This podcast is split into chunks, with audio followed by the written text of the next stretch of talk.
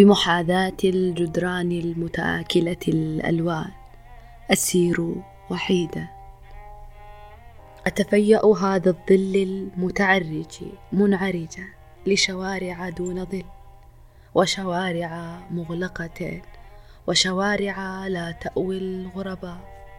وظهيرة تموز تصهرني كالقير الماء. يا ما كنا نركض فوق لهيب الإسفلت. يا ما كنا نركض فوق لهيب الإسفلت حفا نحو النهر. ويا ما ولكن النهر بعيد كطفولتنا. من يعرف في كركوك الرجل الرث المتسكع في هذا القيد. وحيدا دون صديق وكتاب.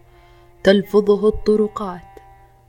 أحيانا يجلس في المقهى وسط ضجيج العابرين يكتب شعرا ويصفن ساعات دون حراك ويعلق عينيه الشاحبتين على مسمار أو نجم مصلوب أو امرأة عابرة. ثم بلا تخطيط يدفع باب المقهى مندفعا نحو الشارع ثانية. لا يعرف كالضائع كالسائر في الحلم إلى أين تسير خطاه التعبى وشوارع كركوك تأخذ في هذه الساعات المحروقة قيلولتها. حتى زهرة عباد الشمس انكمشت في الظل.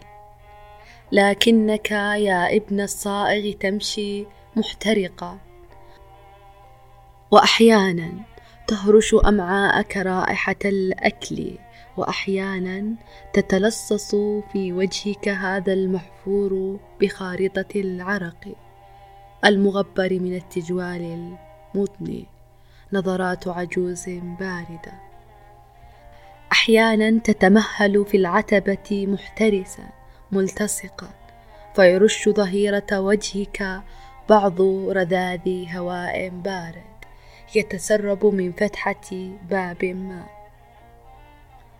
اترك وجهي يتبرد ملتذا بعض الوقت وأحلم من خلال الباب المفتوح للنصف بأشياء زرقاء.